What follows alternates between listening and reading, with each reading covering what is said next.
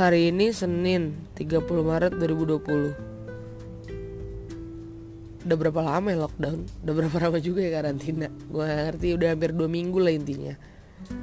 Ya kegiatan gue bosan aja sih di rumah ngapa-ngapain. Ya tapi gue bikin podcast ini sengaja Gue akan bahas sedikit yang gue tahu tentang virus corona. Virus corona atau COVID-19 itu udah ditetapkan sebagai pandemi oleh WHO Sementara di Indonesia, wabah COVID-19 itu udah sebagai bencana nasional non alam. Kenapa kayak gitu? Ya karena ya jumlah kasusnya yang semakin hari semakin naik. Dan juga semakin melonjaknya nggak positif virus corona di Indonesia, harusnya tuh dapat nambah rasa sadar masyarakat terhadap bahaya pandemi ini. Selalu ikuti himbauan pemerintah dengan menerapkan social distancing demi memutus rantai penularan virus tersebut. Ada beberapa cara yang dapat dilakukan untuk terlibat langsung dalam upaya pencegahan dan menghentikan penyebaran wabah virus corona. Satu dari beberapa cara dengan memberikan himbauan dan edukasi terkait COVID-19. Kita bisa pakai Facebook, Instagram, WhatsApp, Twitter, sosial media lainnya untuk sharing soal edukasi tentang COVID-19 ini sendiri. Terus juga uh, udah ditetapkan sebagai status pembatasan interaksi sosial berskala besar. Apa aja sih kira-kira tanggung jawab negara yang harus dipenuhi di tengah pandemi COVID-19 ini kepada warga negara? Kenali hak kita sebagai warga negara dan jangan lupa untuk saling jaga.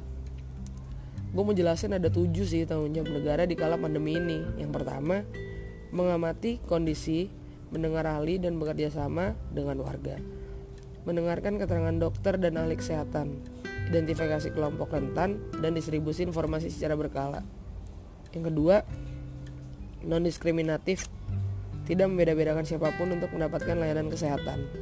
Mau miskin, mau kaya, mau tua, mau muda, lo semuanya tuh dapat layanan kesehatan yang layak ketika lo terjangkit virus ini. Tiga, keadilan dan kesehatan untuk semua. Fasilitas kesehatan harus tersedia dan terjangkau bagi siapa pun dan di mana pun dia berada. Dan yang keempat, membebaskan warga dari rasa takut selama isolasi. Takutnya tuh apa aja sih orang-orang yang takutin? Ya contohnya kayak ketakutan kehilangan pekerjaan, biaya layanan kesehatan dan sarana prasarana, sanitasi atau kebersihan, kayak biaya hari-hari kita juga. Untuk mendukung upaya perlindungan diri dan komunitas. Yang kelima, mengambil kebijakan berbasis data berimbang dan perlu dalam jangka waktu tertentu. Pembatasan bisa diambil demi sebaik-baiknya kesehatan warga. Kriminalisasi terhadap pelanggar bukanlah langkah cerdas ya. Stop lah yang kayak panic buying, terus juga lo jual alat-alat kayak masker hand sanitizer yang mahal-mahal. Jangan kayak gitulah. Kita di sini tuh lagi berjuang cuy untuk sama-sama supaya kita bisa ngelawan ini dan kita bisa sehat sama-sama. Yang keenam, bekerja sama dengan negara lain memastikan informasi serta pengetahuan teknis dan sumber daya tersalurkan dengan baik terkait dengan penyebaran dan penanggulangan pandemi.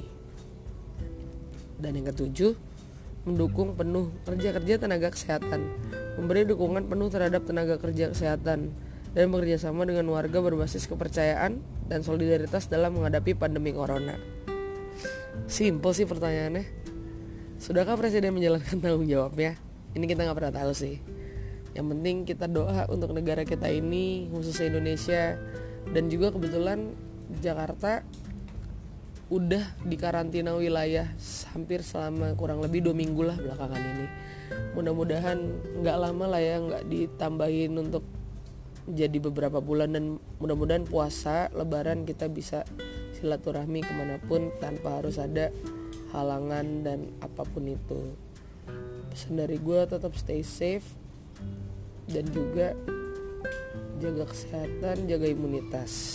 Thank you.